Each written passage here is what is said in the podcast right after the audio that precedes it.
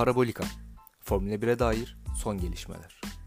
Hazırlayanlar Enes Gül, Oğuz Ağan, Emre Anıl Yılmaz. Parabolika'dan herkese selamlar. Ben Enes. Her zaman olduğu gibi değil. Bu sefer sadece Emre ile beraberiz. Oğuz bugün aramızda yok. O yüzden Emre sana hoş geldin diyorum. Hoş bulduk bol bol olsun arkasından sallamalı bir program olmasını diliyoruz. ee, işin makarası bir yana aslında sen olmayacaktın bu haftaki programda e, kendi özel sebeplerinden dolayı ama ani bir kararla em, e, Oğuz'un da iş durumundan dolayı bugün seninle beraberiz programda. Aslında Oğuz'un programda olmasını isterdim çünkü e, yarışta yaşanan olaylar onun daha öncesinde öngördüğü olaylardı. Fakat e, biz onunla beraber sen ben Oğuz e, kendi grubumuzda çok detaylı bir şekilde konuştuk yarışı. Sadece yorumlama kısmında bugün seninle beraber olacağız. Ee, tabii yarışa geçmeden önce hafta içerisinde yaşanan olayları da konuşmak istiyoruz. İlk başta 2022 araçları tanıtıldı. Yani e, benim açımdan uzun süredir gördüğüm en iyi Formula 1 araçları diyebilirim. Yani daha böyle eskiyi andıran, daha küçük, e, pistte görünüşü daha güzel olacağını düşündüğüm bir araç. Senin görüşlerini de alarak başlayalım programa. Ya şimdi ben e, görünüş, tasarım işte library olarak söyleyeceğim. İşte hatta bunun e, şu anki takımların yani güncel library'lerine uyarlanmış fotoğrafları da paylaşıldı, görselleri de paylaşıldı. E, mesela orada da Aston Martin falan hala çok iyi gözüküyordu. Yani tasarım olarak çok bir şey kaybetmiyor ama e, bence artı olarak şöyle bir şey var. Şimdi araç boyutu küçük olduğu için e, özellikle cadde pistlerinde geçişin zor olduğu pistlerde bir ihtimal belki geçiş yapılabilir duruma evriliyor. Çünkü araç boyutu ne kadar büyüyüp genişlediği zaman mesela örnek veriyorum ya çok zor tabi hala Monaco'da mesela geçiş yapmak ama atıyorum %10'sa %15-20 oldu. Ya bu e, yarış içerisinde geçme ihtimali mesela. O yönden bir artı dediğin gibi araçların küçülmesi. Ama ben tasarım olarak hani net aracın tasarımı olarak ya çok beğendiğimi söyleyemem. Yani bence biraz oyuncak araba gibi duruyor. E, baktığımda.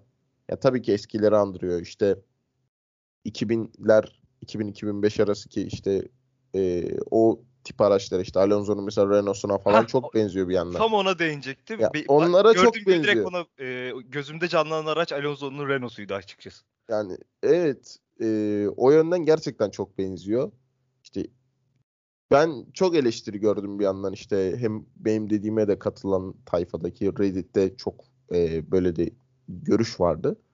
Ama ben biraz da şuna katılıyorum bu yönden. Evet bir format değişikliği lazım da araçla alakalı.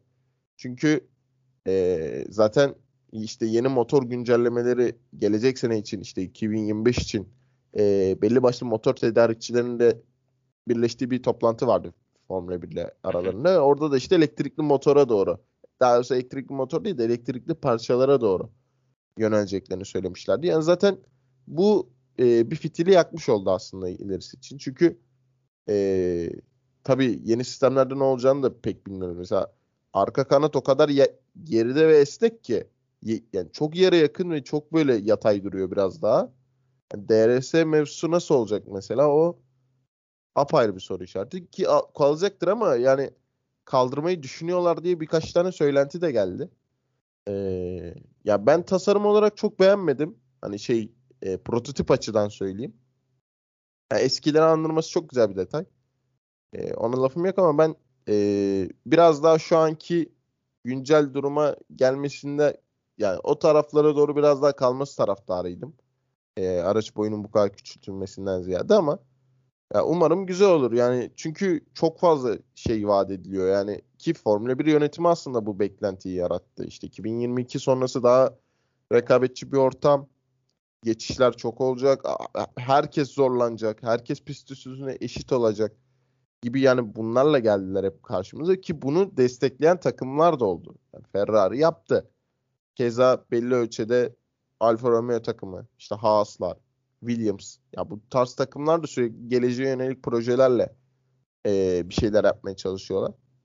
Bakalım neler olacak göreceğiz. Ya ben e, gelecek açısından çok ümitliyim ama library olarak ya aracın prototipini çok sevdiğim söylenemez. Sana zıt görüşüm var benim de. Benim nedense çok fazla hoşuma gitti. E, DRS konusunda e, ben de okudum o DRS'yi kaldırmak istediğini FIA'nın e, ilerleyen yıllarda. Tabii bu çok kısa sürede mümkün gözükmüyor ama böyle bir düşünceleri var. Bu e, yeni araçlarla beraber yeni e, ya şimdi araç boyu kısaldı çok aslında çok büyük bir kısalma yok ama Formula 1 konsepti içerisindeki e, şeyleri düşündüğümüzde bu araç boyunun kısalması fark, çok büyük e, etkenlere farklılıklara sebep olacaktır elbet. E, şimdi tabii bazı takımlar sadece önümüzdeki seneye doğru Ferrari gibi takımlar sadece önümüzdeki seneye e, odaklanmış durumda olan takımlar da var ki yani aracın tamamen değişmesi bu odaklanmanın artmasına da sebep olmuştur takımlar için ki olması da gerekir. E, en başta senin söylediğin gibi yeni bir döneme girecek Formula 1 ve bu yeni döneme gerçekten ihtiyacı vardı. E, Tabii ki de prototip olarak herkesin görüşü farklıdır, zevki görüşü farklıdır. Ama e, bu değişikliğin olması lazımdı. Bu olduğu için de ben mutluyum açıkçası diyebilirim. Bakalım önümüzdeki sene pist üzerinde gördükten sonra belki senin de fikirlerin değişebilir. Benim de fikirlerim değişebilir. E, dinleyicilerimiz de yorumlarını yazabilirler programımızı paylaştıktan sonra altına yeni araçlarla ilgili. E, ve 2022 araçlarını kapatıp e, tarihin ilk sprint yarışı hafta sonunu geçirdikten sonra sprint yarışıyla başlayalım bu programıma da. Ee, ilk sprint yarışını kazanan Max Verstappen oldu. Tabii bizim için çok garipti yani cuma günü Q şey sıralama turlarını gördük. Cumartesi kısa bir yarış oldu. Yani cumartesi gününü pazar günü gibi yaşadık aslında. Ee, ilk sprint yarışı hakkında görüşlerini alayım senden. Ya şimdi e, ya Formula 2'de işte 3D vesaire alt klasmanlarda olan bir durum. Ee, yani o yönden aslında biraz mantığına takip edenler az çok da bilenler bir nevi hakim oldu. Ama şöyle bir durum var. Ee, sprint yarışı böyle sezonda 3-4 kere yapılsa okey. Yani olabilir. Ama bunu sezonun geneline yaymak yani e, öyle plan var gözüküyor çünkü. Yani buradan bir e, deneme başladı. Monza'da da olacak mesela bundan 3 ya da 4 yarış sonra olması lazım. Ee, 4 yarış sonra. Pardon 3 yarış sonra. E, bu şey biraz da nasıl anlatayım? Bir heyecan katıyor katmıyor değil. Çünkü e, ya en basit örnek Verstappen'in orada Hamilton'ın geçmesi de e, sprint yarışı için söylüyorum. Orada bile herkes bir heyecanlandı. Yarış ya Serhat Ancar bile Russell için yarış şeyine girdi. O havasına girdi mesela. Şimdi meme oldu ama o havaya girdi. Şimdi bu güzel bir şey. Arada böyle küçük küçük heyecanlar verilmesi iyi bir şey ya. Tabii ki yarışta daha büyüğünü yaşayabiliyorsun ama ya şöyle bir durum da olabilirdi. Bu sprint yarışı belki de ya örnek veriyorum 17 turda ne kadar heyecan alabilirdik. Ee, ama şu da var. Belki yarıştan daha heyecanlı olacaktı. Örnek veriyorum. Yani hiç sprint yarışı başlamadan evvel atıyorum işte ki zaten oldu belli bir kaos da. İşte Verstappen Hamilton sürekli gidip gelecekler. İşte öteki taraftan arkadan Leclerc Bottas'ı zorlayacak vesaire falan. E şimdi bunlar da yarış yani yarışta belki bunlar olmazdı atıyorum. Sadece sprintte görürdük. Bir de öyle bir durum var. O yönden e, biraz daha şey heyecan veriyor. Ben olayın e, biraz daha eleştiri boyutuna geleceğim. Şimdi Vettel'in söylediği bir, e, bir nasıl söyleyeyim açıklama var. Yaptığı bir açıklama var. İşte bence sıralamada e, kazanan yani Q3'te ya da Q2'de Q1'de kim ne yaptıysa en hızlı zaman turunu atan neyse pol alır diyor. Şimdi zaten böyle yapılıyordu.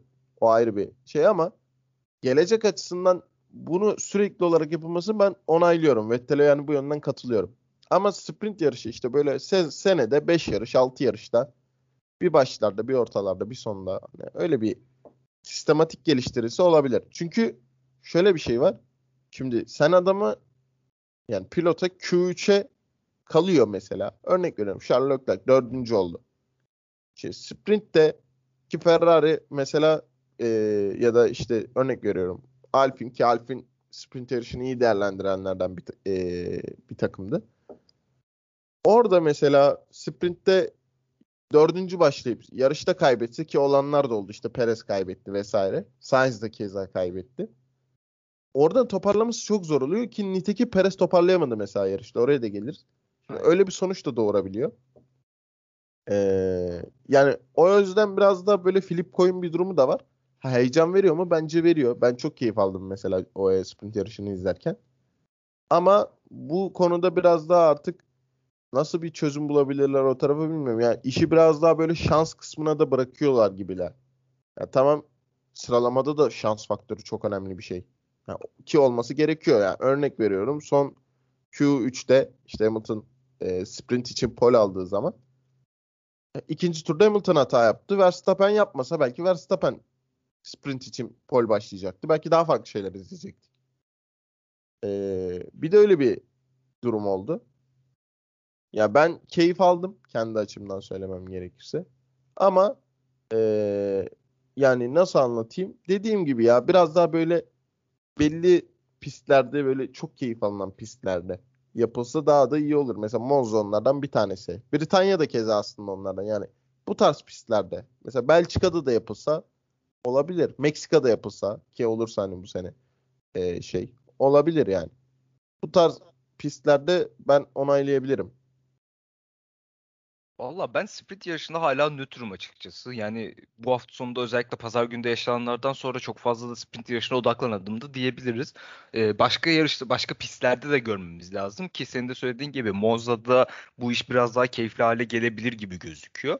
Ama sana şu yönden katılıyorum. Kesinlikle bütün bir sezon boyunca biz cumartesi günleri sprint yarışı izlemememiz lazım diye düşünüyorum. Araya serpiştirilen sprint yarışı hafta sonları daha fazla heyecan katacağını düşünüyorum ki FIA'nın da e, belki düşünceleri buna kaymış olabilir veya kayacak olabilir özellikle de Monza'dan sonra. E, ama dediğim gibi hala nötrüm ne bir artım var ne bir eksim var sprint yarışıyla alakalı. Daha e, bu sprint yarışının hem bizlere hem de sürücülere, takımlara e, ne kadar artısı olabilir, ne kadar eksisi olabilir onları e, tam olarak kafamda oturtabilmiş değilim. Ya birinin canı yanacak. Mesela bu hafta sonu Perez'in canı yandı. İlerleyen zamanlarda Hamilton dayanabilir, Verstappen'in de yanabilir. E, ondan sonra bir yani bu kafaya oynayan takımların özellikle pilotların e, canının yanmasıyla alakalı bir olay olursa onun üzerinden daha farklı düşünceler de ortaya çıkabilir. E, ama Vettel'e de bir yandan katılıyorum. Eğer sıralama turu dediğimiz şey tek turdan ve yani tek turda atılan performanstan e, dolayı sıralama belirlen, belirlenmesi gerekiyor. Yani bu bu şekilde devam edebilir. Ee, bakalım devamında Fiyan'ın kararı nasıl olacak split yarışıyla alakalı. Tabii sen de az olsa da değindin. Oranın split yarışının e, fenomeni Fernando Alonso oldu. Gerçekten çok iyi yarıştı. E, Q2'de eğlenmişti. 11. sıradaydı. Split yarışında 7. sıraya kadar yükseldi. Yarışa da 7. sıradan başladı bu sayede. Ki yarışı da 7. sırada bitirdi aynı zamanda. E, Fernando Alonso da split yarışının yıldızlarındandı. Diyelim ve yarışa geçelim. Ee, senin Geçmeden özellik... küçük bir Heh. şey ekleyeceğim. Sp- Tabii e, ki. Sprintle alakalı. Ee, Avusturya yarışında da aslında bir benzeri oldu. Sıralama turlarında. Mesela Q3'e kalanlar yumuşak hamurla başlamıştı. Mesela Ferrari kendi açık açık biz bilerek kalmadı demeye getirdiler. Ferrari mesela Avusturya'da başarılıydı. Diğer yani e, Alfa Tauri'ye vesaire evet. kıyasla. Ya işin bir de o boyutu var. Ya sen bazı pistlerde mesela geçen hafta Oğuz da söylemişti. O da yok burada anmış olalım bir daha. Cezalandırmış oluyorsun bir noktada. Mesela o tarz durumlar da olabiliyor. Sprint yarışı belki e, bu noktalarda biraz ilaç olabilir. Çünkü lastik seçimini serbest bırakıyorsun. Takımları büyük bir esneklik de veriyorsun aynı zamanda. Bu da artı bir e, durum. Ya belki bundan şikayetlenen takımlar da olabilir ama ben çok fazla bir şikayet olacağını düşünmüyorum. Çünkü herkese verilen bir esneklik var. Parça değişiminde belli bir esneklik var.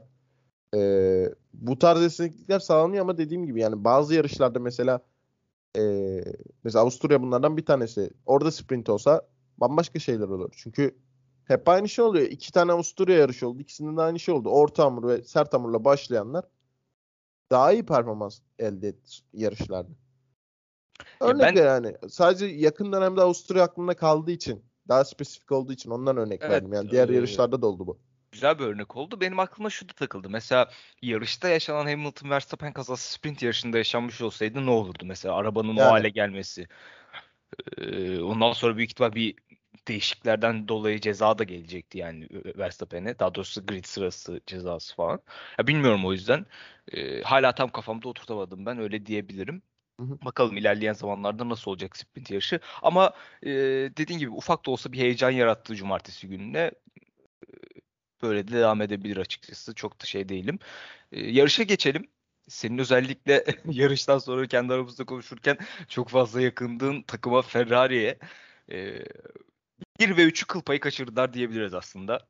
E, yine pit duvarında Evet. pitte yaşanan bir olaydan dolayı Carlos Sainz'ın 6 saniye yanlış hatırlamıyorsam e, lastiğin değişmemesi ve hani mekanik yerinde e, yani gerçekten lastik değiştirdiğinden değiştirdiğinden haberim yok. Tepkisi veya o anki şokuyla mı bilmiyorum. O da çok büyük bir meme oldu Twitter'da. E, Ferrari ile başlayalım. Ya şimdi abi çok garip. Yani gerçekten çok garip. Çünkü bence eliyle fırlattı. Ya Fer- ben öyle düşünüyorum. Net eliyle fırlattı yarışı. Ee, ya tabii aracın belli başlı durumları da var. Şimdi onları da konuşacağım. Ben Sainz'dan geleceğim. Abi adam daha yani daha ne yapması gerekiyor? Abi Ferrari daha ne yapması gerekiyor? Ya bu adam ya şu sıralamada iyi iyi iş yaptı bence. Daha iyi olabilir miydi? Olabilirdi. Ki olması gerekirdi belki de ama bence iyi iş yaptı. Sprint'te düştü. Hasarı azalttı. Yarışa başladı. Adam gayet ki bu arada lastikleri de gayet iyiydi. Yani e, kötü de değildi lastikleri Sainz'ın. 11. başladı galiba ama sonra Russell e, ceza aldı ona çıktı. Öyle bir durum var bir tane. 10. başladı bir yandan. Evet 10. başladım. Ee, ya böyle yükseldi ilk ikiye geldi Sainz. Sorunsuz pit yapsa sadece belki Bottas'a geçilecek. Veya Bottas'a da geçilmeyecek. Çünkü orada da belli bir saniye farkı vardı. Yapamadın. Ve 3 kişiye ekstra geçildin. Ee, Bottas, Norris ve Ricardo'ya geçildin aynı zamanda. Hamilton geçti vesaire de. Bunlara da geri, geri kaldın ve adamın kazandığı bütün saniyeleri bütün hafta sonunu belki de tek pitte çöpe attı. Şimdi bu akıl almaz bir durum. Ben çok kabul etmiyorum. Yani Sainz memnun. Yani şu yönden memnun. Biz bu kadar hızlı olacağımızı beklemiyorduk. İşte ben keyif aldım vesaire gibisinden söyledi Evet bu açıklama. açıklamalarında çok şey yoktu. E, Ee, istemkar konuşması yoktu. Ya bir yandan ya bence etmesi gereken bu takım içinde konuşulur. Belki medyaya şey yansıtmak istemiyordur ama bence içeride kesin bir istem vardı. Yani Kesinlikle. Ya daha ne yapsın? Adam belki podyum alacak. Ya belki bugün Ferrari dediğin gibi 1-3 veya işte 2-3 neyse. Olabilir de. 1-3 olması çok muhtemeldir. Hamilton çünkü Bottas'ı o kadar rahat geçti ki direkt takım emriyle. Çok çabuk yakaladı Leclerc. Yani Sainz en azından 2-3 tur tutsaydı belki Leclerc e, galibiyeti alacaktı. Yani o yönden e, çok şey oldu. Garibime gitti. Yani mesela orada Norris de mesela Norris'in piti de 6 saniye 6,5 saniye falan sürdü. E, orada da mesela e, Bottas'ın ya Bottas ona rağmen kıl payı önünde kaldı. Ya orada mesela Evet. normal bir pit olup Norris Bottas'ın önünde olsa Leclerc belki güle oynaya kazanacaktı. Doğru. Bir de öyle bir durum yani çok fazla şey tetikledi. Ee, o yönden Sainz için biraz daha üzücü bir yarış oldu. Yani podyum alabilirdi belki. Yani yüzde vermeyeyim ama bir ihtimal olarak görüyorum ki bence alabilirdi. Olmadı. Ee, büyük şanssızlık tabii pitte olması. Ferrari'nin klasik hatalarından birisi. Yani ben anlatmaktan yoruldum burada. Ee, bu sene acaba işte düzelir gibi oldular ki kötü de değillerdi. Mesela Leclerc'ki piti şahaneydi. Orada mesela Leclerc'te o olsaydı yani herhalde İtalya basını şu an asıyordu yine Ferrari'yi. Ee, öyle bir durum vardı. Olabilirdi daha doğrusu. Ya Sainz için ya maalesef kötü oldu ama bir yandan da kötünün iyisi oldu. Yani en azından altıncılık iyi bir şey. E abi Leclerc'e geleyim. Abi şimdi o kadar komik şeyler var ki. Şimdi Verstappen'in kazasından sonra zaten birinciliği aldı. Kırmızı bayrak çıktı. İşte kırmızı bayraktan sonra yerde vermedi. Ki zaten Bottas'ı geçerek başladı starta. O da bir artı. E, ilk starta. Orada başladı. Orta hamurla ben Ferrari'den bu kadar iyi bir performans beklemiyordum. Üç kere üst üste hız, en hızlı tur attı Leclerc. Şimdi o var. Onu yaparken ekstra 3 kere motoru gitti. 3 kere 1.8 saniye 2 saniyelik fark sürekli DRS mesafesine düştü. 3 kere oldu bu. Üçünde de motor gitti. Yani adam buna rağmen bir de şeyi hatta anımsıyorsundur. İşte mod motor modunu değiştirdiler. O motor Evet. modu değişti en hızlı tur attı. Leclerc. Şimdi ben izlerken şaşırıyorum ya. Abi motor bozuk nasıl olabiliyor? Ha, totem mi yapıyorsunuz? Ha, Hamilton yapıyordu ya lastiklerim Evet. bitiyor dedi. Üst üste 5 en hızlı tur atıyordu. Ya ona mı döndük hani onun o taktiği mi deniyoruz falan. Öyle bir şeye gitti yani. Duruma gitti. Orada biraz hani endişelendim ben çünkü yarışa heyecan katabilecek bir noktaydı ne olursa olsun ki kattı da. Acaba geçecek işte motor gitti ne olacak falan. Ee, ki orta hamurda Mercedes de bence çok kullanamadı o hızını. Yani belli Evet. bir şeyde tuttular ama yani ortalama olarak bakarsam Leclerc motor sorunu yaşamadığı takdirde en az 2,5-3 saniye fark atacaktı. Çünkü her tur zaten fastest atabiliyordu. En az tur atabiliyordu. Ve Hamilton'dan turları daha iyiydi genelde. Ya 0.1, 0.65 civarlarında belki kazanıyordu. 0.2 falan. Ee, çok az az kazanıyordu ama zaten 2-3 turda 1.8'e getirdi yine motoru düzelttikten sonra. Yani 1.8 2 saniye o civarlarda tuttu. Ee, o yönden çok büyük başarı Ferrari için özellikle bu hafta. Ama ee, işte ikinci lastik seçim biraz Mercedes'in istediğine gitti. Şimdi Mercedes sert hamurlarda bu sene oldukça başarılı.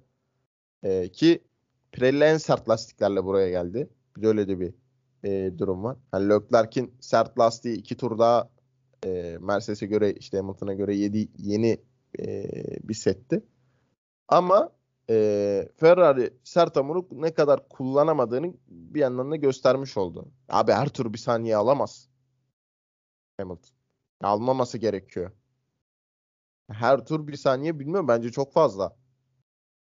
Yani Bazı sektörlerde 14 3 saniye 0.3 falan aldı yani. Ya on- 14 saniyelik fark yani son 3 tur kala aldı ge- gerisi yani öyle söyleyeyim ya beklenenden de çok uzun sürede aldı şey kısa sürede aldı özür dilerim Ee, ya ben çok ümitliydim kazanabileceğini çok inanmıştım Leclerc'in Ee, ki zaten aslında Ferrari için de kazansa tarihsel de bir an olacaktı hem biraz da Euro 2020 göndermesi gibi olacaktı Evet İtalya- güzel olacaktı. onu Orada da kazandı, orada da kazandı olacaktı birazcık. Ee, ya tarihe geçebilirdi Leclerc. Yine fırsat ayağına geldi ama dediğim gibi yani biraz Ferrari kendi eliyle satmış oldu. Dış etmenler de var tabii ki. Ee, ama ya ne olursa olsun ben ya burada zaferi kaybetmek kötü bir şey ama Ferrari'nin aldığı sonuç çok iyi bir şey. Ee, McLaren'lerden keza çok hızlıydı. Yani en önemli rakiplerinden. Ee, pit hatası olmasa ikisi de mesela iki araçta bugün McLaren, McLaren'i geçecekti. Ee, öyle bir durum var. Ben gayet yeterli buldum. Çok çok iyi buldum Ferrari'yi özellikle bu yarış için. Ee, alabilir miydi zaferi? Alabilirdi. Yani 1-3, 2-3 neyse yani 2 2 podyum yapabilirdi belki. Ee, olmadı ama ben ee, önümüzdeki sene için özellikle bu kafa yapısındaki Ferrari'yi ne kadar pitte hata yapmış olursa da olsun en azından yarış temposu, mentalitesi ee, olaraktan Ferrari'yi çok iyi gördüm. Çok ee, beğendim. Umarım eski günlerine kavuşur Ferrari. Ee, böyle rekabetçi olduğu zaman da mesela Verstappen yoktu ama işte o Leclerc Hamilton yetişecek mi yetişmeyecek mi ee, gerginliği bile o heyecan bile çok şey kattı. Ee, yani ben çok keyif aldım o yönden. Ee, güzel de bir yarış oldu. Ama ayrıyetten de mutluyum yani böyle bir gelişme gördüğüm için. Ya Ferrari'yi kestirmek çok zor aslında bu sezon içerisinde ve geçen sezonuna baktığımızda. Ama bir şeylerin iyi gittiği ortada ve Binotto'nun iki yıldır bastıra bastıra yeni sezona hazırlanıyoruz. Yani 2022'ye yeni araca hazırlanıyoruz demesi e, gerçekten bir şeyler yapıyorlar gibi gözüküyor. Yani bu sezon içerisinde bundan daha iyi sonuçlar alabilirler mi? Tekrardan podyum yakalayabilirler mi? Bilmiyorum açıkçası. Çünkü hani dediğim gibi kestirmek çok zor Ferrari ve hani rakipleri Red Bull, Mercedes ve McLaren olsun. E, 6 tane araç var sonuçta önlerinde çok ciddi onlardan iyi olan. Ama dönem dönem Ferrari'den bu tarz şeyler göreceğiz. E, dediğim gibi ilk başta da söylediğim gibi daha doğrusu 1-3'ü çok net kaçırdılar. E, eğer Sainz'ın pit stopu olsaydı veya biri yani direkt birinciliği Norris Norris'in pit, e, pitinde sorun olmasaydı birincilik çok rahat bir şekilde gelecek gibi gözüküyordu. Çünkü e, Hamilton'ın Bottas'ı takım emriyle rahat bir şekilde geçmesi, orada hiç zaman kaybetmemesi, ardından e, sonlara doğru bir şekilde Leclerc'i yakalayacağını bildiği için Leclerc'in de doğal olarak biraz lastik korumasıyla Hamilton'ın daha hızlı bir şekilde ona yaklaşması. E, bunlar tabii en büyük etkenlerdi ama Norris ya da Sainz'ın Bottas'ın yerinde olduğu denklemde Hamilton'ın onları geçmesi tabii ki de daha zor olacaktı. En azından kafadan 1-2 tur Leclerc'e gelecekti. Ki o 1-2 turla beraber sonlara doğru da trafiğe kalma ihtimali daha yüksek olacaktı Leclerc'in. Orada da DRS avantajını yakalayıp e, trafikte Hamilton'ı tutup belki de birinciliği o şekilde alacaktı.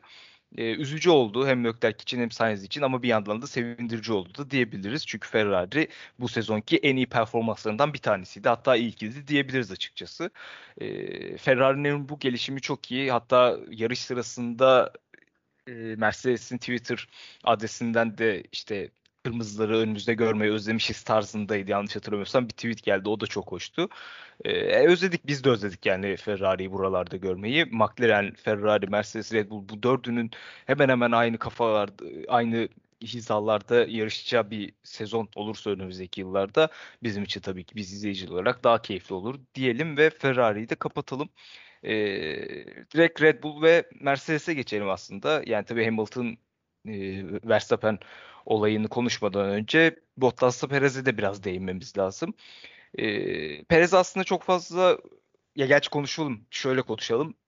Sprint yarışında yaptığı hatadan arkadan kayma sonucu e, yarışa gridden başlamak zorunda kaldı. Herkes tabii ki cumartesi günün ardından Perez'in e, tırmanışını izlemek büyük keyif olacak tweetlerini atmaya başlamıştı bile. Ama çok fazla da beklediğimiz gibi olmadı. Özellikle iki sekansta sıkıntı yaşadı Perez. Bunlardan bir tanesi ilk turlarda e, Gazli'nin arkasındaydı ki Gazli de e, Raikkonen'in arkasındaydı. Raikkonen orada çok iyi tuttu Gazli'yi. Gazli de durmadan diğer avantajını yakaladı ve e, Perez'le Perez Gazli'ye bir türlü yakalayamadı, geçemedi. E, erken bir pit yapmak zorunda kaldı sert hamurlu olmasına rağmen. Ardından orta hamurlayken de tekrardan e, yanlış hatırlamıyorsam Stroll'ü kovalıyordu ve Stroll'de önünde Alonso bulunuyordu. Alonso da orada arka grubu çok iyi tuttu ki yani e, bu hafta sonunun iyi pilotlarından bir tanesiydi Alonso. Bu noktada Stroll'ü arkasında bir saniye altında tutunca Stroll de diğer avantajını yakaladı Perez'e karşı ve hani onu da geçmekte çok zorlandı. Ardından artık Red Bull tarafı da biraz pes etti açıkçası çünkü Hamilton'ın da bir hızlı turu vardı. Son turlara doğru yumuşak hamuru taktılar Perez'e ve en azından Hamilton'ın elinden e, en hızlı turu almış oldular. Perez noktasını bu şekilde e, ben söylemiş olayım. Senin de yorumlarını alalım ardından Bottas'ı da konuşalım. Ya Perez biraz sprint yarışının işte anlattık zaten. Kurban oldu orada. Ya kaybedenler, büyük kaybedenlerinden birisi oldu. Ee, araç hasarı vesaire de belki yarış başlamadan önce veya kırmızı bayrak esnasında kontrol edilip belki işte belli önlemler vesaire alınmıştır. Tabii çok içeriğini bilemiyoruz o yönden ama e, ya ben daha iyi Perez beklerdim performans olarak ama çok veremedi o isteneni. Çok geri kaldı. Lastik tercihleri belki biraz da onları yaktı. E, sert hamurla başlaması sebebi işte götürelim çıkabildiğimiz kadar çıkarız orada devamını getiririz gibisinden düşündüler ama o performans da yetmedi. Tutmadı yani. E, yani sürekli yükselip yükselip geri düştü. Yani 10-11'lere geliyor geri düşüyor. 10-11'lere geliyor bir daha geri düşüyor. Sürekli oraya doğru gitti. Zaten Raikkonen'le sonunda bir teması da oldu son turlarda. Hı hı. E, bir daha pit aldılar. İşte en hızlı turu Hamilton'a bırakmamak için. E, onu yapabildiler sadece Red Bull cephesi olarak. Yani e, Red Bull olarak söyleyeyim biz geçen haftanın biraz lanetini attık. Yani bir yarışlık çuvallama hakları var dedik. Direkt kullandılar o hakkı. Evet, ee, evet. Hiç hiç şey yapmadılar yani aman bizde kalsın yani. Hemen kullanalım. Hemen onu yani biraz ya öyle oldu. en kötü senaryoyu yaşadılar. Evet yani ki ona rağmen hala öndeler hem pilotlarda hem takımlarda. Ee, ama en azından e, hakkı vardı diyeyim onu kullanmış oldu. Evet baskı arttı mesela Red Bull'da şu an. Hiç olmadığından belki daha fazla arttı. Çünkü burada normal bir yarış geçirseler belki yani Verstappen ikinci olsa yine çok bir şey değişmeyecek. Hala yarıştayız deyip hala bir yarışlık hakları olacaktı. Örnek veriyorum. Ee, o yönden çok büyük eksi oldu. Hiç puan da alamadılar yani. yani Perez de bir şey yapamadı. Verstappen'in yokluğunda. O da e, büyük bir eksi oldu. Şimdi kazaya mı geliyoruz? Ya Bottas'la konuşalım ama ben Red Bull'la tamam. ilgili şunu söyleyeceğim e, senin söylediklerine ek olarak. Ben çok fazla baskı altında olduklarını düşün, yani baskının çok fazla arttığını düşünmüyorum. Şu yüzden Hı-hı. düşünmüyorum. Çünkü Verstappen yarışta kalsaydı çok yüksek ihtimal e, yarışı lider tamamlayacaktı. Çok ekstra bir durumlar olmasaydı öyle gözüktü. Çünkü Verstappen'in ve Perez'in olmadığı denklemde Mercedes, Red Bull ve McLaren'e çok ciddi bir şekilde üstünlük kuramadı. Yani bence aslında Mercedes tarafında konuşul konuşurken de e, değinmemiz gereken nokta bu, bu olabilir. Yani e, Red Bull olmadığı denklemde Mercedes'in ne kadar dominant olduğu ki bu çok fazla da gösteremediler bunu. Özellikle Bottas ve e, yani Hamilton'ın e, o takım emriyle şeyi olmasaydı ki olması çok doğal orası ayrı mevzu. E, geçişi olmasaydı yani daha farklı senaryolarda izleyebilirdik. Yani bu dominantlıktan dolayı Red Bull ka- ka- çok fazla da e, karalar bağlamamıştır diyebilirim aslında. Ama şu noktada da katılıyorum. E, kazayı konuştuktan sonra kazayı konuşurken de değineceğiz mutlaka ona. E, olaylar daha kızıştı. Daha farklı noktalara gidecek. Artık e, iki pilot da Hamilton ve Verstappen de frene daha az basacak gibi gözüküyor. En azından öyle söyleyebilirim. E, Bottas'ın yorumunu da alalım. Yani Bottas'ın bu sezon içerisinde ve hatta geçen sezonda dahil olabilir çok büyük bir kısmında. Startta kazandığı bir yarış hatırlıyor musun? Ben hatırlamıyorum. Bende de çok yok. Yani vardır tabii ki. Tüm startları kaybediyor yani. Ee, yani örnek vereyim. Burada Leclerc'i geçilmese Mercedes yarışı kazandı Mercedes tarafı. Ona bir şey söylemiyorum. Ama nasıl anlatabilirim? Ya bu kadar e, şimdi farklı bir tabirle tribe girmeyecekti. Ha, Bottas önde olacaktı. Leclerc ikinci olacaktı belki de ya da neyse. E zaten yine Mercedes'in elinde yarış olacaktı. Ama durum öyle bir noktaya geldi ki ya çok açık belliydi. Yarış Ferrari'ye gidiyordu. Ya hiç beklemezsiniz ki aranızın yani en yakın rakibinizin iki arabası da yok. Ne Perez var ne Verstappen var. İkisi de yok. Ee, sadece Ferrari kalmış ve Ferrari iki araçla birden oraya sokuyorsunuz. Yarışın ortalarında. Bottas ortada yok falan. Ha iş kötü e, şey tarafı Norris'in piti şey olmasa uzun sürmese Tabii. belki Norris'in Bottas'ı da arkasında tutacak. Orayı bilmiyoruz. Yani bu Tabii. ama sonuçta önünde çıkacaktı. Ya saniye olarak Norris geçiyordu. Evet aynen. Çünkü arada 4 saniyelik farka rağmen yan yana çıktılar. Ee, öyle bir matematiksel durum ortaya çıktı. Ya Bottas takımın istediğini yapıyor. Biraz mobbing de uygulandı işte. Monaco'da sen nasıl yanlış yerde durursun? İşte ya Azerbaycan'da Imola'da olan kaza vesaire. Ee, ki Azerbaycan'da da kötü bir yarış geçirmişti. Orada da puan alamamışlardı zaten.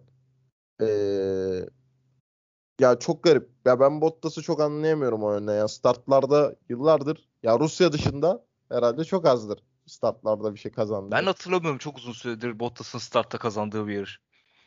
Ee, ya aynen orada bir artık sıkıntısı var yani nasıl çözebilecek bilmiyorum. Ya belki kafa yapısıyla da alakalı bir şeydir.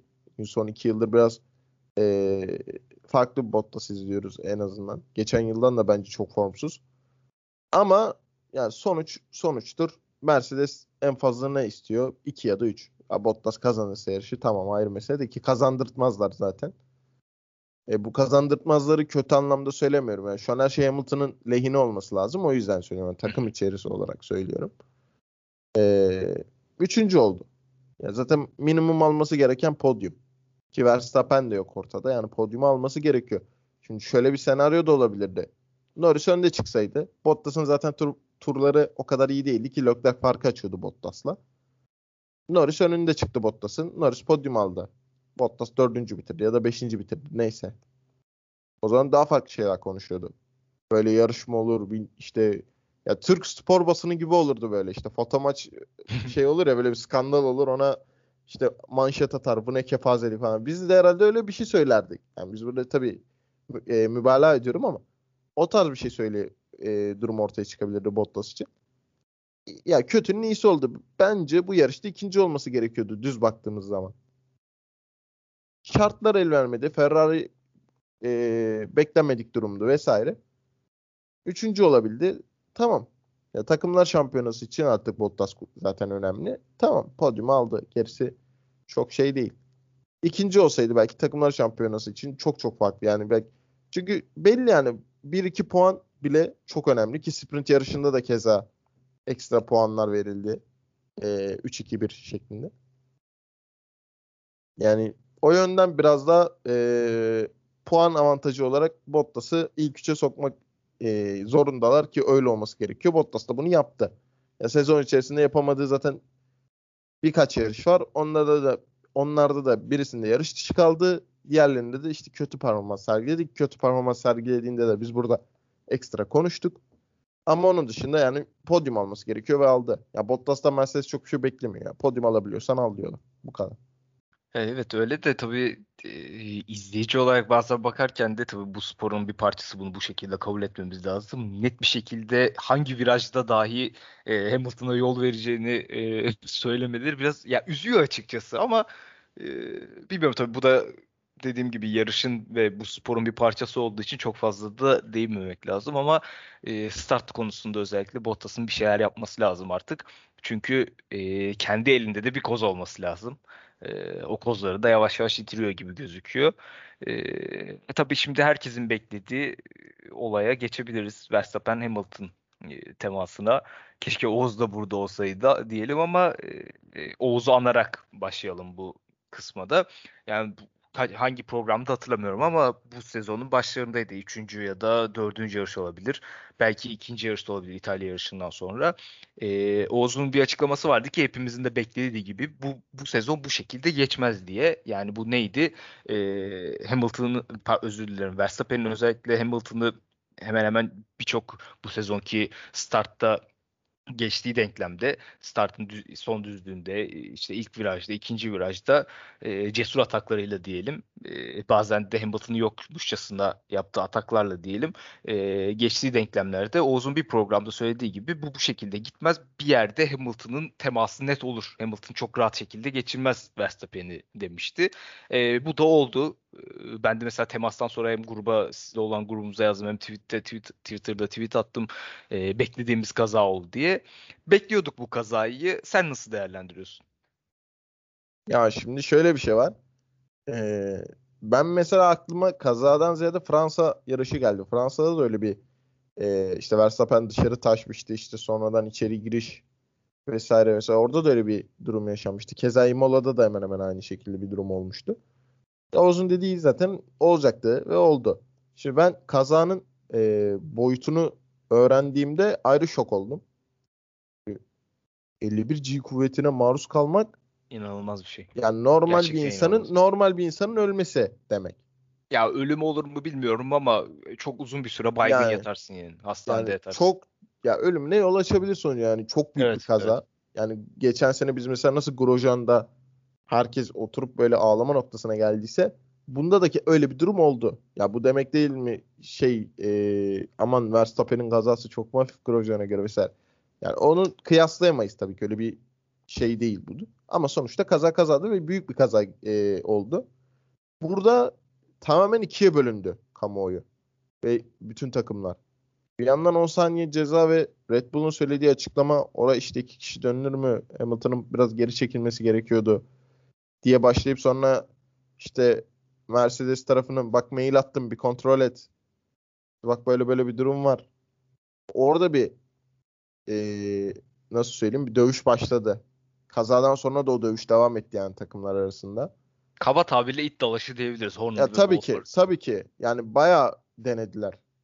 Ya özellikle Red Bull tarafı baya yani Mercedes'e yaptırım yani ve uygulayın artık. Baskılar geldi böyle yani ama ceza verilmesi gerekiyor muydu? Yarış kazası olarak mı geçilebilir? Bence çok gri pozisyon.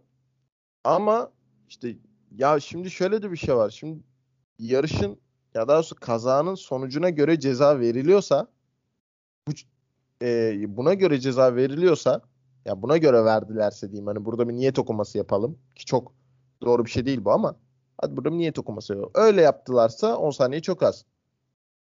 Apex Apex üstünde o viraj geçişine kurallarına göre verdiysen tamam. Bunun sonucu çok ağır olabilir.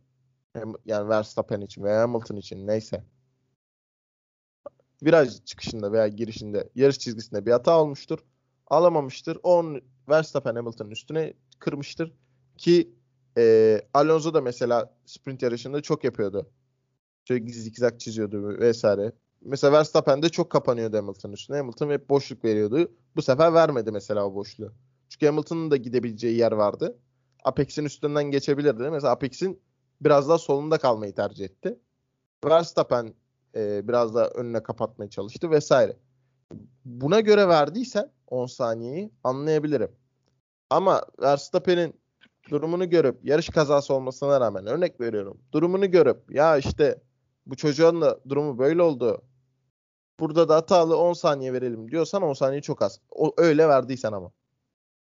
Yani sağlık durumuna göre ceza verdiysen ki normalde öyle olmaması gerekiyor. Kurala göre, kural kitabına göre hareket edilmesi gerekiyor ki öyle. Öyle çok az. Ama kural kitabına göre ceza verdiysen 10 saniye ideal. Ne olabilirdi? Dur kalk verebilirlerdi.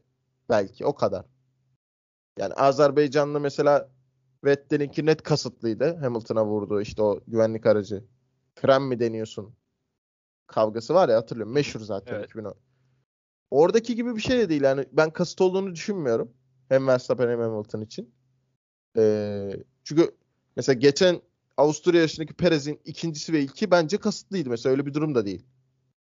Ya, bence bir tık daha yarış kazası gibi gözüküyor ama işte Verstappen'in avantajı varken işte Hamilton'ın biraz daha sağa kayabilme ihtimali varken bence en azından e, viraj girişi için. Çünkü yan yana geliyorlar. E, iyi çekiş yakalıyor Verstappen. Bir yandan öne, öne doğru geçerken jantla işte lastik fırlıyor bir anda o çarpmanın etkisiyle vesaire. Evet o da garipti yani. Lastiğin sadece çıkıp yantının orada kalması. E, oradan zaten ekstradan bir e, ivme yakaladı. Yani kaza esnasında bir ivme yakaladı. İşte ve ve ben şeyde çok etkilendim. İşte o pit konuş e, test konuşması yayınlandı. Zaten Konuşamıyor zaten. konuşamıyor ve şey kamera kırılıyor.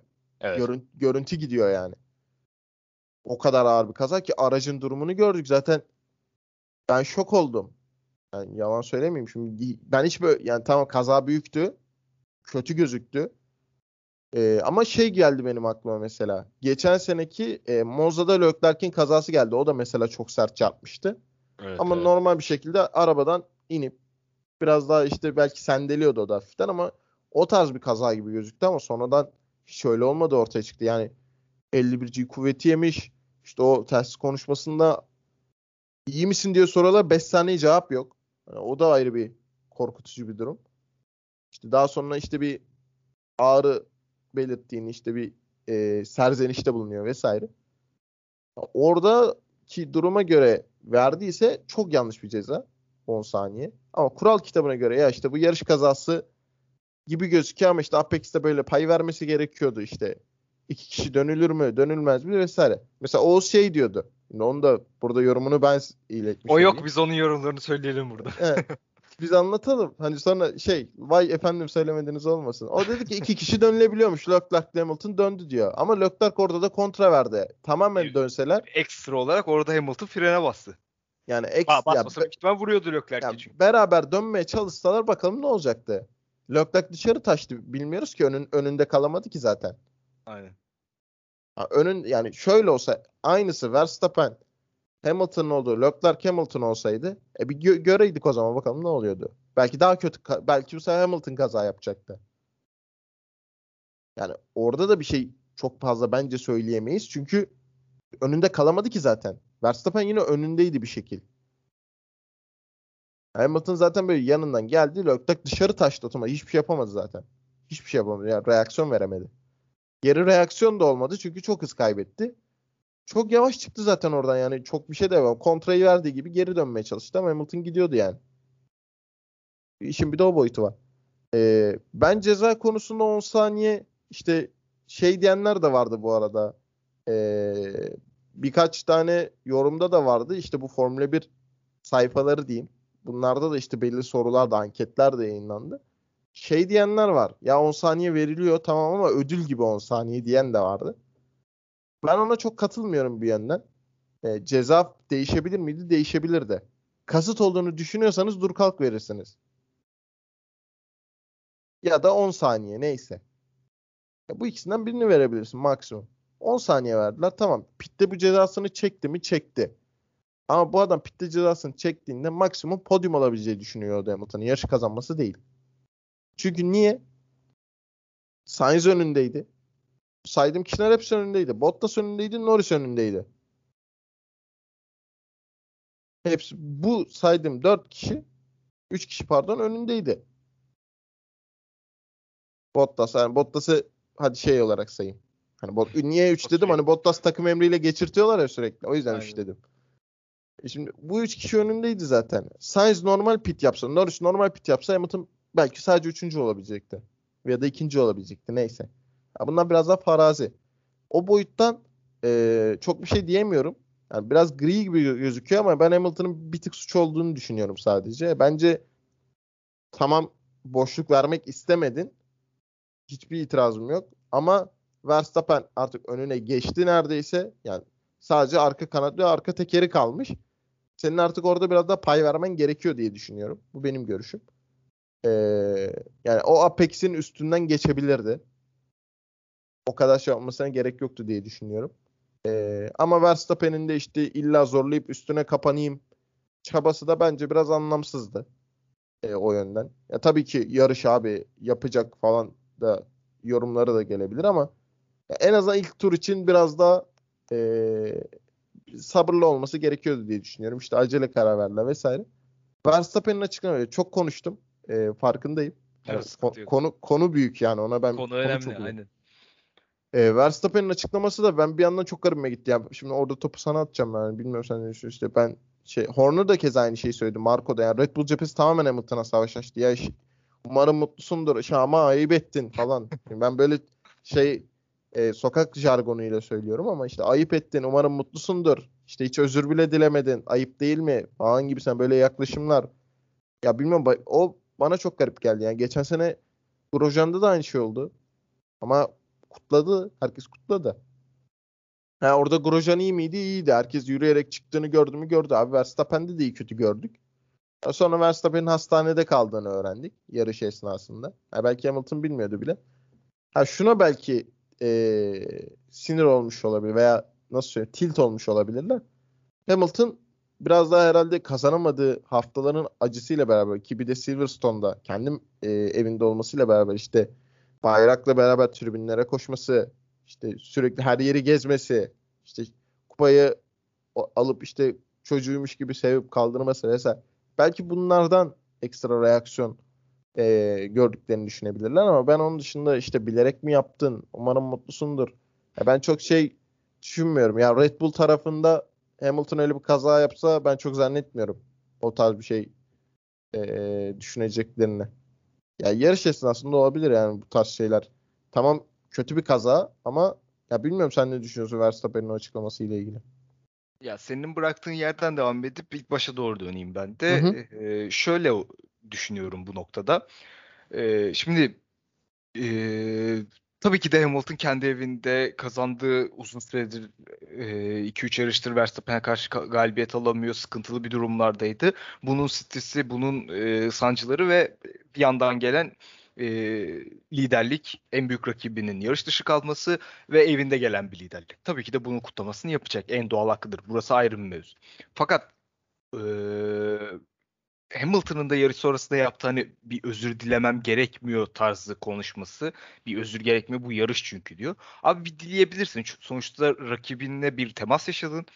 Ee, kimine göre sen haklısındır, kimine göre eşittir, yarış kazasıdır, kimine göre Verstappen haklıdır. Burayı tamamen geçiyorum. Ee, ama bir temas yaşadınız. Senin yüzünden e, diyebilirsin. E, rakibin çok ciddi bir şekilde kaza atlattı. Şimdi bunun için bir özür dileyebilirsin. Burada özür dilemek şey değil. E, acizlik olmaz yani. Hani bir, bir yarış kazasıydı dersin. Özür dilerim ama bunlar oluyor dersin. Max'a da buradan çok geçmiş olsun işte dileklerimi iletiyorum falan dersin geçiştirirsin. Bunu yapmadı Hamilton ve bunu özür dilemem gerekmiyor. Bu yarış diyerek kapattı bu noktayı.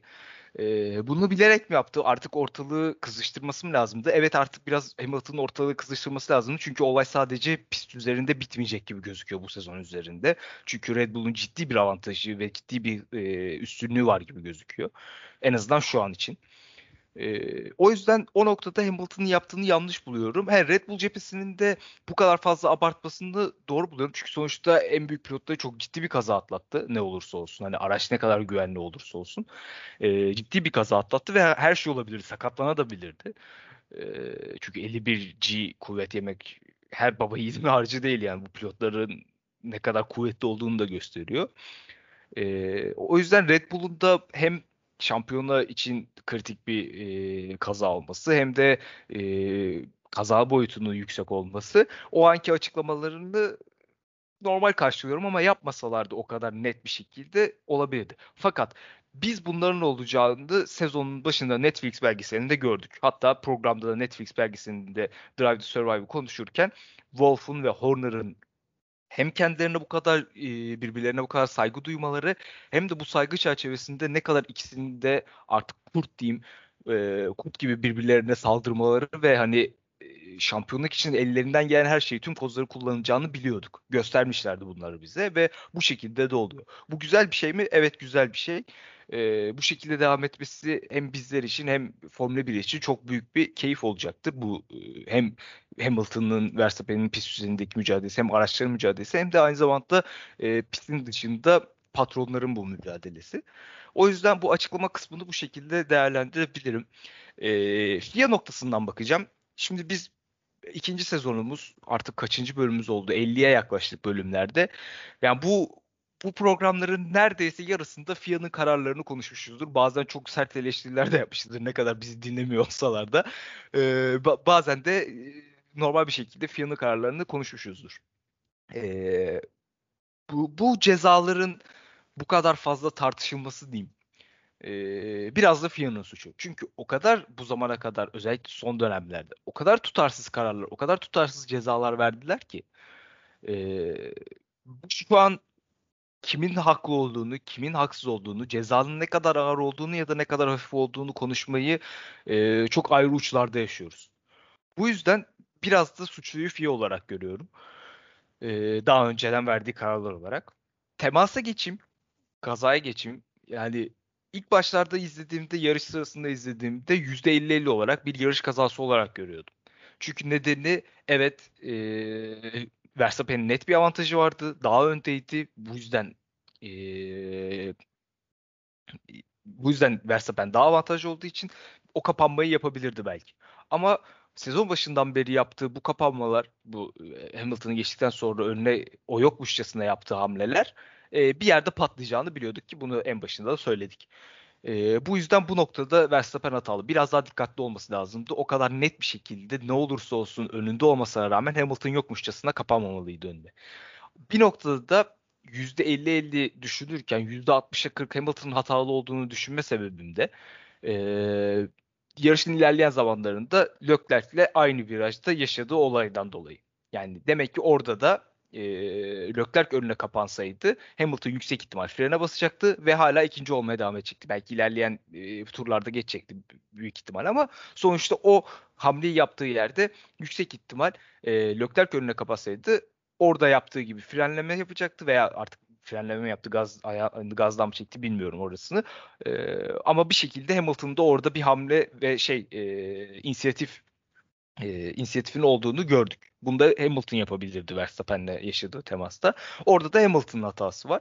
E, burada da e, Verstappen önde dönerken Hamilton arkadan sol çaprazdan bir temas yaşadığı için %60'a 40 Hamilton'ı daha suçlu görüyorum ki e, Toto Wolff'ün işte Michael Massey'e sana mail yolladım. Mailine bir cevap verirsen sevinirim tarzı açıklamaları. O mailde de büyük ihtimal ki kendileri de açıkladı yanlış bilmiyorsam işte neredeyse beraber yan yana dönüyorlardı diyor. Yani dönmüyorlar çok belli çünkü sol arkadan sol önlüğüyle Verstappen'in sağ arka lastiğine çarpıyor net bir şekilde. Hatta kanadıyla çarpıyor ki Hamilton'ın kanadı da zarar gördü. Yani net bir şekilde Verstappen'in e, önde olduğu bir virajdan bahsediyoruz. O yüzden e, iki tarafı da suçlu buluyorum ama ağırlık olarak Hamilton'ı suçlu buluyorum dediğimiz gibi bu teması çok net bir şekilde bekliyorduk. Bu sezon sonuna kadar lastik lastiğe gitmeyeceklerini çok net biliyorduk. Ama e, işte Max Verstappen'in e, Instagram'dan Hamilton'ın takipten çıkması gibi komik olaylar da yaşandı tabii ki. E, ama daha demin de söylediğim gibi artık iki tarafında frene az basacağı yarışlar izleyeceğiz. Daha çok temas izleyeceğiz gibi gözüküyor. Ee, ama bu olaylarda da şunu da söylemek istiyorum. Yani en güldüğüm Twitter'da özellikle gördüğüm e, olay da e, tweetlerde şuydu. Rosberg'i paylaşıp o asla bariyerlere tek başına gitmezdi açıklaması. O, o, o tweetlere çok güldüm. E, Verstappen de bunu öğrenecek büyük ihtimal. Beraber gidecekleri bir yarış da olacaktır kesinlikle bariyerleri. He, olmasını ister miyim? E tabii ki ara sıra bu tarz şeyleri görmek güzel ama lastik lastiğe mücadele de ayrı bir keyifliydi. E, o yüzden e, suçlu olarak birazcık daha Hamilton'ı önde görüyorum biraz da açıklamaları Hamilton'a yakışmayan açıklamalar oldu. Red Bull cephesinde de çok fazla Horner olsun, Marco olsun, Verstappen açıklamaları olsun. O kadar abartıya gerek yoktu. Biraz daha sakin karşılayıp ki buradan konuşması daha kolay. O, onla, o anları yaşayanlar olarak onların psikolojik durumu çok daha farklı doğal olarak. Ama ben buradan bu şekilde konuşarak söylüyorum. Biraz daha e, sakin olabilirlerdi. Çünkü net bir şekilde hala Mercedes'ten üstün oldukları bariz ortada. E, o yüzden de sana e, çok net bir şekilde e, baskı hissetmediklerini düşündüğümü söyledim. Bilmiyorum önümüzdeki yarışlarda daha çetin, daha e, sıkı sıkıya bir e, Hamilton Verstappen kapışması izleyeceğiz gibi gözüküyor. Şimdi Macaristan ardından Belçika, Hollanda var. Yani özellikle Hollanda'da tabii ki de orası da Verstappen'in evi. Yani orada da aynı teması Verstappen Hamilton'la yapabilir. Hiç şaşırmam. Ee, bakalım bu bu bir alevdi. Yani daha doğrusu bir fitildi. Ateşlendi bu nasıl devam edecek, nasıl seyredecek bu bu sezonu bakalım hep beraber izleyip göreceğiz diyelim ve çok fazla da uzattık aslında bu bölümü. Programı da çok fazla uzattık. Yani 3 kişiyken uzatıyorduk, 2 kişiyken uzatmış olduk. ya zaten Macaristan'dan sonra da 3 haftalık da bir ara var. Yaz arası geliyor. Evet evet. Ee, ee, size de şey olsun bu yani. Kusura bakmayın ama bu bu olayı da bu şekilde konuşmamız lazım. Oğuz olsaydı program ne kadar uzun olurdu onu düşünüyorum şu tabii, anda. Tabii. Ee, ama, ama bizim Oğuz'un yerimize da... konuşmuş olurdu ya zaten. Aynen öyle katılıyorum ki Oğuz'un da görüşleri hemen hemen bu şekilde yani hem söylediğimiz çoğu şeyi Oğuz'un da görüşleri ee, öyle söyleyebiliriz. Yavaştan programı kapatırken bir McLaren'e de değinmek lazım. Senden McLaren görüşlerini de alacağım şöyle pas atıyorum sana. Yani belki geçtiğimiz haftalardaki kadar hızlı değillerdi ama şöyle bir baktığında Q3'ü 7-6 tamamladılar. Yani her zamanki gibi Ricardo 7, Norris önünde 6. Sprint yarışını 6-5 tamamladılar. Yarışı da 5-4 tamamladılar. Yani onlar için belki o kadar hızlı değillerdi bir önceki yarışlardaki kadar ama daha iyi bir senaryo olamazdı herhalde. Ee, ne diyorsun McLaren cephesi için? Ya tabii ki şimdi e, yani Norris zaten yine puan alma serisini sürdürdü ve sürekli ilk 5 içerisinde yer alıyor. Bir şekilde e, o sıra o e, dağ diyeyim o dağa tırmanıyor ilk 5 çünkü biraz daha kıyasaya geçiyor. Ferrari, McLaren, işte Mercedes, Red Bull yani genelde bu e, dört takım arasında dönüyor. Bence McLaren'ın bu yarışta bir kazanımı var Ricardo. Bence çok iyi bir hafta sonu geçirdi. Genel olarak e, yarışta da gayet iyi bir tempo tuttu. Ne geçti ne geçildi gibi bir durum da ortaya çıktı. Ee, Sainz uzun süre arkada tutması da tabii, başarıydı. Tabii. Ee, ama orada biraz daha tabii Ferrari'nin Sertamur'a çok uyum sağlayamaması da tabii, bir tabii problem. Ki. Yani, yani yarışı sonuna kadar DRS'de tutup DRS ile geçiş yapamamasının yani çok bir izahat edilebilecek bir tarafı yoktu o taraftan ama neyse e, geri dönelim. Bence çok iyi başarı 4-5 e, yani bu kadar işte nasıl söyleyeyim kaos da oldu işte vesaire acaba falan delirte de bilirlerdi Ferrari gibi. Olmadı ama 4-5 takımlar şampiyonası içerisinde en azından Ferrari ile e, rakip olduklarını düşünürsek ki öyle de iyi bir avantaj elde ettiler. Yani Ferrari fark kapattı birazcık ama e, en azından o, o fark kapanını kapanmasını biraz daha e, tampon oldular Sainz'in önünde 4-5 olarak. İyi bir hafta sonu geçirdiler. McLaren e, Ricardo'yu en azından bu yarışlık kazanması iyi bir detay. E, ama Ricardo'nun bunu ne kadar devam ettirebileceği e, özellikle sıralama turları içerisinde o henüz belli değil bence. Çünkü biliyor yani konuştuk. Tamamen muamma Ricardo'nun ne yaptı. Ya bazen Fransa'daki gibi mesela bazen çok iyi ama bazen çok garip. Ki bu arada e, ben size söyledim Ricardo'nun bu çok konuşuluyor artık. Arkadaki rakibini artık bilerek toprak Evet evet. E, yani bu Avusturya'da iki yarışta da yaptı. E, bir de burada yaptı. Ya o da herhalde artık taktik olarak düşünüyor. Mesela Avusturya'da start tarafında Apex'ten toprak alıp arkaya atıyordu. E, toprağın üstünden geçip. Burada da kez aynı şeyi yaptı. E, o da artık öyle öyle taktikler yapıyor yani. Madem geçemiyorum bari beni geçmesinler e, misali. Ama güzeldi ya. Ben McLaren'i bu şekilde e, geçen seneki gibi yakın görmek isterim Sainz Norris'teki gibi. E, Ricardo şu an için onu başaramadı ama sezon ortasından sonra belki yaz arasından sonra bir şeyler değişebilir. Ee, ki zaten Ricardo için hani biz sene başında da söyledik. Yaz arası ya ilerleyen zamanlarda açılır ama yaz arası da önemli diye. Ee, yaz arasına doğru geliyoruz. Macaristan e, sonrası yaz arası ve Macaristan'da bir şeyler gösterip belki yaz arasından sonra daha iyi bir e, Ricardo görebiliriz. Norris zaten yani çok bir şey demeye gerek yok. Bildiğimiz Norris e, sürekli olarak. Buralarda kendini artık ispatladı tamamen. E, bir şüphe kaldığını ben e, düşünmüyorum ki podyumlar da aldı bu sene. E, gayet ideal. Duruyor. Tabii gayet de ideal bir performans ki McLaren'in şu an sırtlıyor diyebiliriz yani ki öyle zaten. Ya bu hafta sonunun en büyük e, sonucu şöyle açıklayabiliriz. Kend, bizim kendi cephemizden baktığımızda e, Norris Ricardo ikilisi açıklandığında McLaren için e, hep şey diyorduk yani griddeki en ideal, en birbirine yakın ve en ne bekleyeceğimiz konusundaki iki pilot diyorduk ve sezon başından beri aslında bunu çok fazla göremiyorduk. En net gördüğümüz yarış bu oldu. Yani arka arkaya işte sıralama, sprint yarışı ve yarış olmak üzere e, tırmanmayı başardılar belki araçlarında bir sıkıntı vardı, belki ayarlarında bir sıkıntı vardı. Onlar olmasaydı bir podyumu da Norris cephesinde özellikle görebilirdik gibi gözüküyor. ki bu sezon çok fazla gördük Norris'ten podyumu. ilerleyen yarışlarda da özellikle senin de bahsettiğin gibi yaz arasından sonra birkaç defa da McLaren cephesinde bir podyum göreceğiz gibi duruyor diyelim. o zaman sana teşekkür edeyim. Bu hafta Oğuz yoktu. İkimizdik. E, Macaristan'la beraber Oğuz'un da olacağı, üçümüzün aynı şekilde devam edeceği programları diyelim. Bizi dinlediğiniz için çok teşekkür ederiz. E, iki hafta sonra Macaristan Grand Prix'sinin ardından sizlerle birlikte olacağız. Hoşçakalın. Hoşçakalın.